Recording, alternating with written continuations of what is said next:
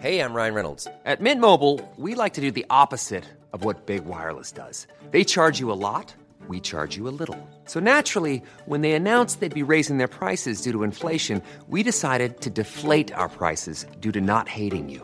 That's right. We're cutting the price of Mint Unlimited from $30 a month to just $15 a month. Give it a try at mintmobile.com slash switch. $45 upfront for three months plus taxes and fees. Promo rate for new customers for limited time. Unlimited more than 40 gigabytes per month. Slows. Full terms at mintmobile.com.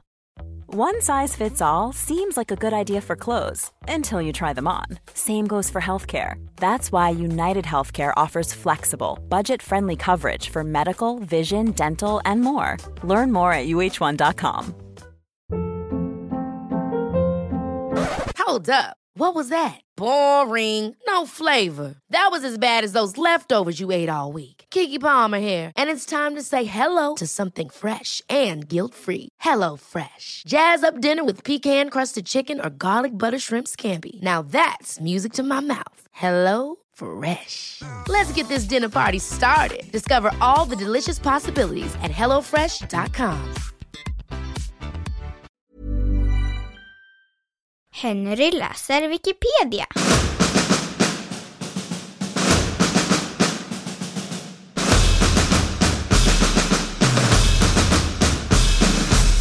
Sällskapsdam.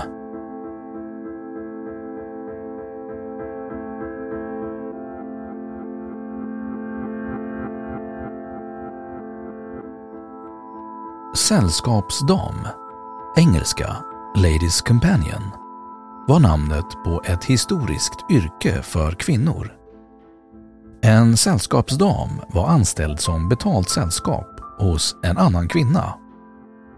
Yrket var besläktat med hovdamens, men begreppet hovdam kom att associeras enbart med de sällskapsdamer som var anställda hos kungliga kvinnor, medan sällskapsdamer blev titeln för de som var anställda hos icke-kungliga kvinnor.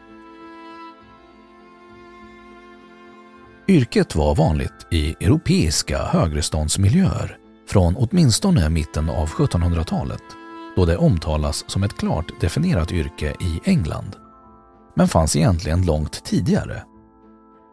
Runt 1900 började yrkets förutsättningar försvinna genom en större rörelsefrihet och arbetsmarknad för kvinnor och ståndssamhällets försvinnande. Ordet sällskapsdam har ibland använts som ett namn för en kurtisan eller eskort. Men det har då gällt kvinnor som anställts som sällskap åt män, inte andra kvinnor.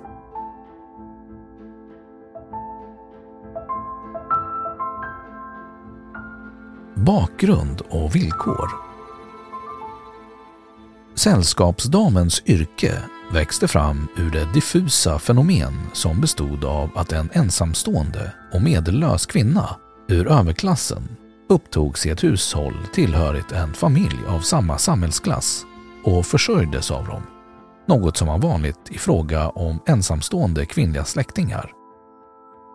Hon förväntades agera sällskap åt familjens kvinnor och hjälpa till med olika uppgifter i utbyte mot försörjning men räknades inte som en tjänare utan snarare som en gäst.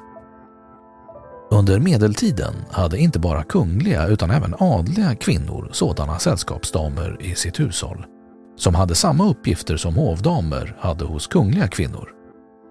Det var ett informellt yrke som först under 1700-talet kom att bli klart erkänt och definierat som ett yrke. Uppgifter om sällskapsdamer finns belagda i Storbritannien från mitten av 1700-talet. En sällskapsdams arbetsuppgifter och ställning hos sin arbetsgivare motsvarade i stora drag en hovdams hos en kvinnlig kunglighet. Sällskapsdamen skulle vara av samma eller något lägre social klass som sin arbetsgivare. Yrket var, vid sidan av den som guvernant, alltså privatlärare, och ledare av en flickskola fram till slutet av 1800-talet. Ett av få yrken en kvinna ur medelklassen eller överklassen kunde försörja sig på utan att förlora sin klassmässiga status. Hon mottog en lön som officiellt kallades underhåll. Yrket påminde till viss del om en kammarjungfrus, men en kammarjungfru hade en klart definierad ställning som en tjänare, vilket en sällskapsdam inte ansågs vara. I likhet med en hovdam skulle hon enbart utföra uppgifter som även hennes arbetsgivare skulle ha kunnat utföra, men valde att inte göra.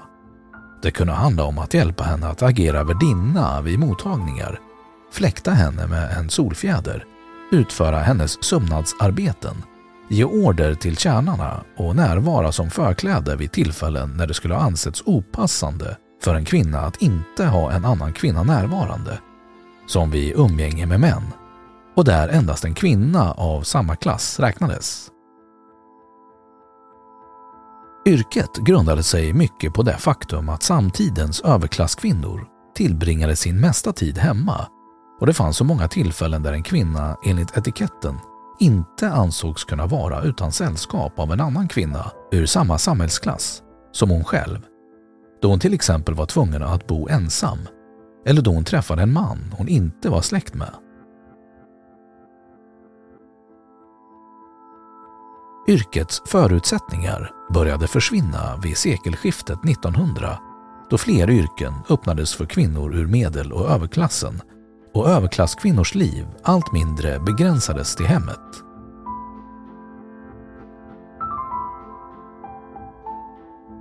Sällskapsdamer i Sverige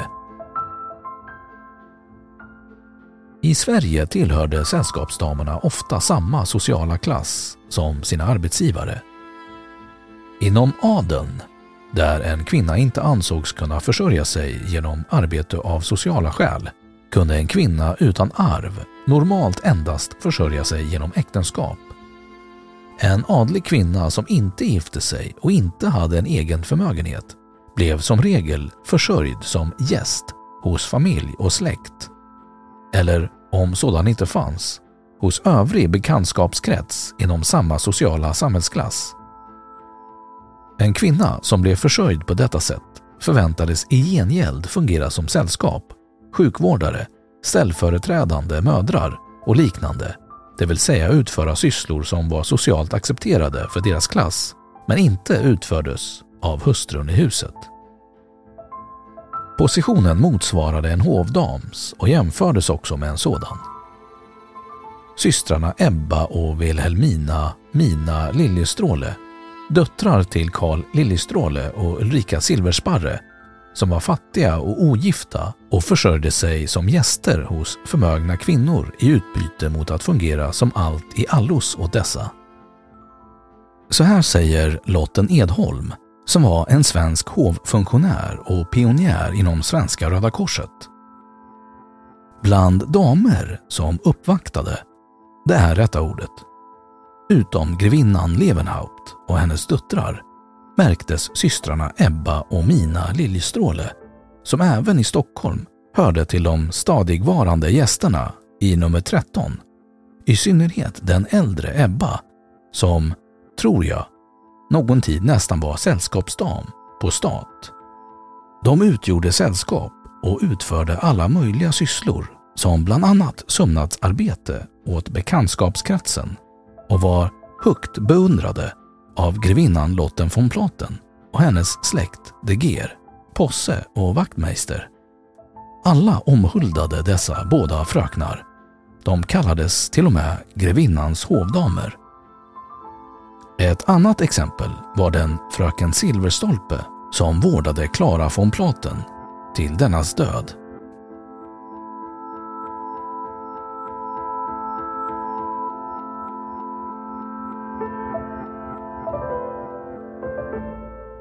Då har Wikipedia sagt sitt om sällskapsdam.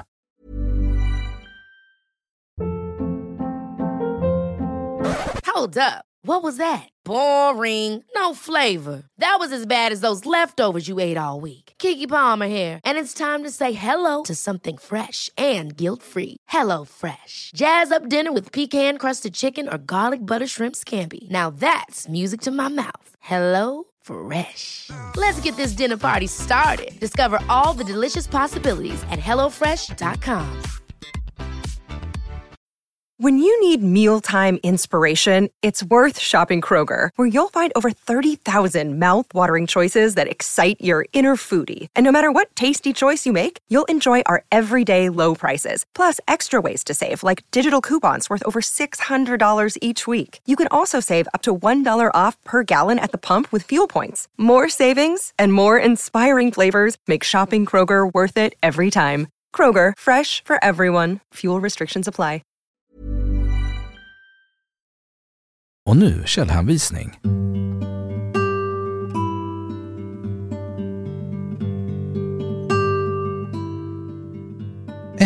Rundqvist 1989.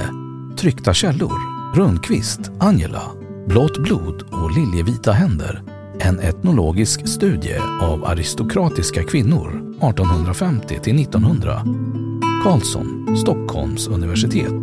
Stockholm. Kvinnans historia